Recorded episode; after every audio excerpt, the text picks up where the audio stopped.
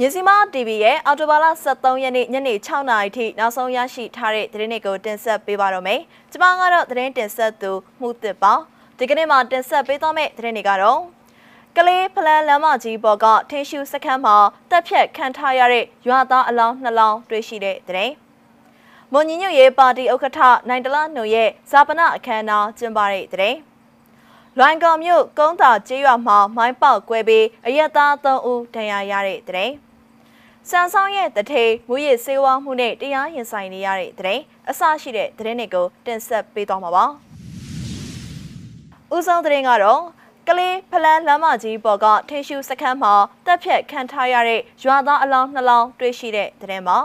။ချင်းပြည်နယ်ကလေးဖလန်းလမ်းမကြီးပေါ်ကထင်းရှူစခန်းမှာအသက်ခံထားရတဲ့ရွာသားအလောင်းနှလောင်းကိုတွေ့ရပါတယ်။ဒါဟာစစ်ကောင်စီတပ်တွေတပ်ဖြတ်သွားတာလို့ဒေသခံတွေကပြောပါတယ်။ ကလေးဖလန်းလမ်းမကြီးပေါ်မှာရှိတဲ့ထင်းရှူစခန်းမှာစစ်ကောင်စီတပ်တွေတပ်ဖြတ်ထားတဲ့အပြစ်မဲ့ရွာသားအလောင်းနှလောင်းတွေ့ထားပါတယ်။ဒါပေမဲ့ဘယ်သူမှသွားမယူရဲသေးဘူး။စစ်ကောင်စီတပ်တွေမိုင်းထောင်ထားမှကြောက်လို့ဆိုပြီးရွာသားတအုပ်ကဆိုပါတယ်။ဒီကနေ့မနက်ပိုင်းမှာစစ်ကောင်စီတပ်ကတန်ချက်ကားကား2စီးစစ်ကား73စီးနဲ့အင်အား150ခန့်ဟာခဘတ်ချမ်းကိုတက်သွားပါတယ်။ မနေ့ကလည်းကလေးဘက်ကတက်လာတဲ့တန်ချက်ကားတစ်စီးနဲ့စစ်ကား60စီးရောက်လာခဲ့ပါသေးတယ်။ချင်းမျိုးသားအဖွဲ့ချုပ်ကမိဘပြည်သူတွေအနေနဲ့တရေရှင်ရေးကလွယ်ပြီး Plan Rick ပလန်ဟာခါလန်တရှောင်းသွားလာတာလုံးဝလုံးဝမပြုတ်လို့ဖို့တားမြစ်ထားတယ်လို့သိရပါတယ်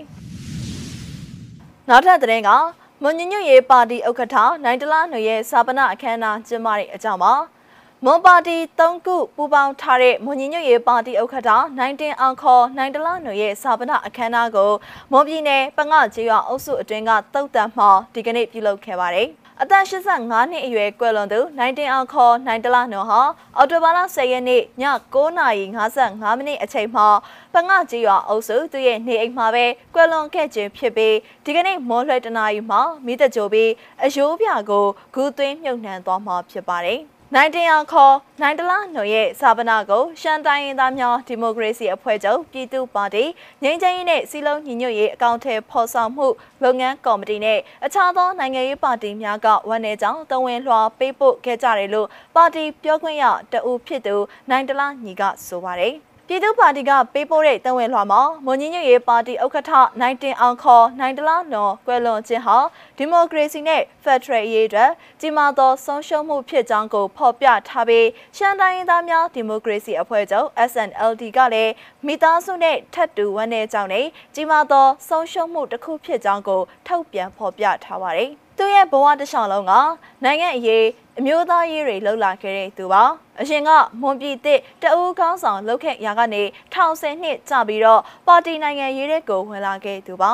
နောက်ပြီး1986အောက်တိုဘာ15ရက်မှာမွန်ပြည်သစ်ပါတီကိုထူထောင်ခဲ့တယ်။နောက်ပိုင်းကျမ်းမာရေးကြောင့်အနားယူခဲ့ပြီးတော့2018ခုနှစ်မှာမွန်ပါတီရီပူးပေါင်းထားတဲ့မွန်ညညွတ်ရေးပါတီမှဥက္ကဋ္ဌအဖြစ်တာဝန်ထမ်းဆောင်ခဲ့ပါတယ်။ မွန်ညီညွတ်ရေးပါတီမှာဥက္ကဋ္ဌအဖြစ်တာဝန်ယူဆောင်ရွက်ခဲ့တာတေဆုံးချိန်ထိဆိုရင်၃နှစ်သက်တမ်းရှိပါတယ်လို့နိုင်တလားညီကရှင်းပြပါတယ်။ဆက်လက်ပြီးတော့ကင်းနီပြည်နယ်လွိုင်ကော်မြို့ကသတင်းကိုတင်ဆက်ပေးကြပါမယ်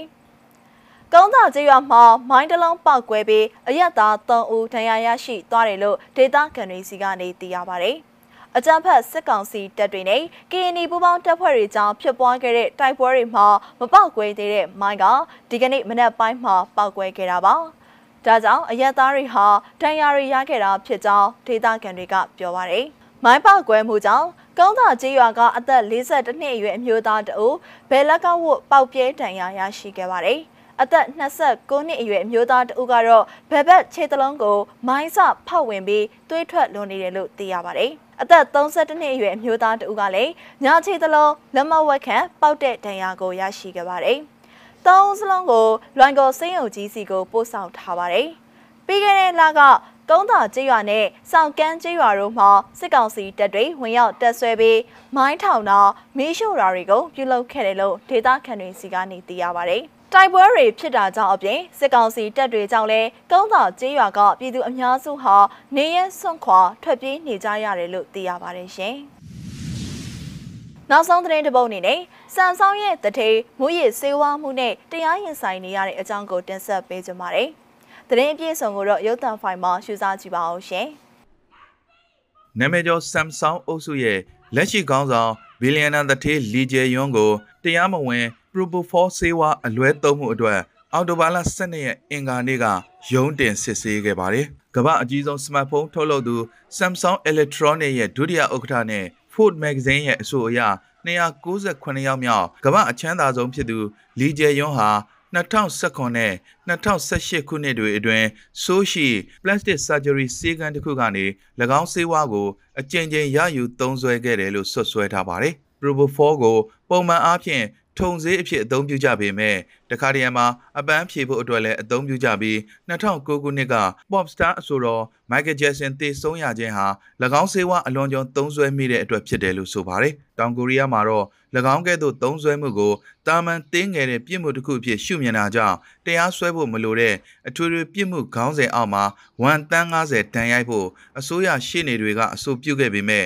တရားရုံးကအဆိုပြုချက်အလုံးကိုပယ်ချပြီးရုံးတင်စစ်ဆေးဖို့အမိန့်ချမှတ်ခဲ့ပါတယ်။မိကိုရောင်ဝတ်စုံနဲ့နှာခေါင်းစည်းတက်ထားတဲ့လီဂျေယွန်းဟာဆိုးဗဟိုတရားရုံးကိုဝင်လာချိန်မှာနှကန်းကိုတင်းတင်းစိတ်ထားပြီးသတင်းတောက်တွေရဲ့မေးခွန်းတွေကိုမတိကျိုးကြုံပြုခဲ့ပါတယ်။တရားရုံးမှာအစိုးရရှေ့နေတွေကဝန်တန်း80တိုးပြီးဒဏ်ရိုက်ဖို့တောင်းဆိုခဲ့တယ်လို့ယွန်ဟက်သတင်းဌာနကဆိုပါတယ်။လီရဲ့ရှေ့နေတွေကတော့စေးအတွက်သုံးစွဲခြင်းဖြစ်ကြောင်းဆက်လက်ခုခံထွက်ဆိုခဲ့ပါတယ်။လီရဲ့ကျမ်းမာရေးအတွက် ဆရာဝန်တယောက်ရဲ့ညွှန်ကြားချက်နဲ့ဈေးကိုအသုံးပြုခဲ့တာဖြစ်ကြောင်းအရင်ကတည်းကထွက်ဆိုပြီးဖြစ်ပါတယ်လို့သူတို့ကဆိုပါတယ်။ Samsung Electronics ကတော့တစုံတရာမှတ်ချက်ပေးဖို့ညွှန်းဆိုခဲ့ပါတယ်။၎င်းရဲ့ကုမ္ပဏီဟာတောင်ကိုရီးယားကလုပ်ငန်းစုကိုလွှမ်းမိုးထားတဲ့ခြေဘူခေါ်မိသားစုပိုင်လုပ်ငန်းထဲမှာအကြီးဆုံးဖြစ်ပြီးကမ္ဘာ12ခုမြောက်အကြီးဆုံးစီးပွားရေးလုပ်ငန်း Samsung အုပ်စုရဲ့အထင်ကရလုပ်ငန်းခွဲဖြစ်ပါတယ်။ပြီးခဲ့တဲ့နှစ်ကဖခင်ကွယ်လွန်သွားပြီးတဲ့နောက်မှာ ကုမ္ပဏီရဲ့အစဉ်လာခေါင်းဆောင်ဖြစ်လာခဲ့ပါတယ်။တောင်ကိုရီးယားသမ္မတဟောင်းပက်ကွမ်ဟီရဲ့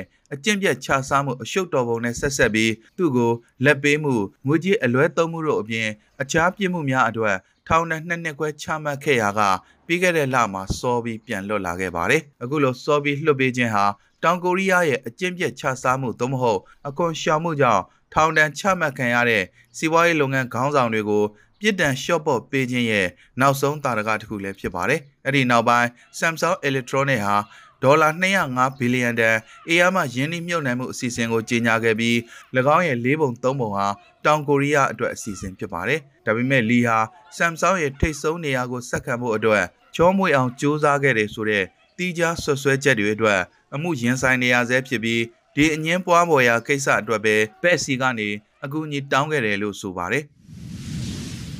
မြစီမ TV ရဲ့အော်တိုဘာလ23ရက်နေ့ညနေ6နာရီထိနောက်ဆုံးရရှိထားတဲ့သတင်းတွေကိုတင်ဆက်ပေးခဲ့တာပါကြည့်ရှုနားဆင်ပေးခဲ့တဲ့အတွက်ကျေးဇူးတင်ပါတယ်မင်္ဂလာရှိတဲ့ညချမ်းဖြစ်ကြပါစေရှင်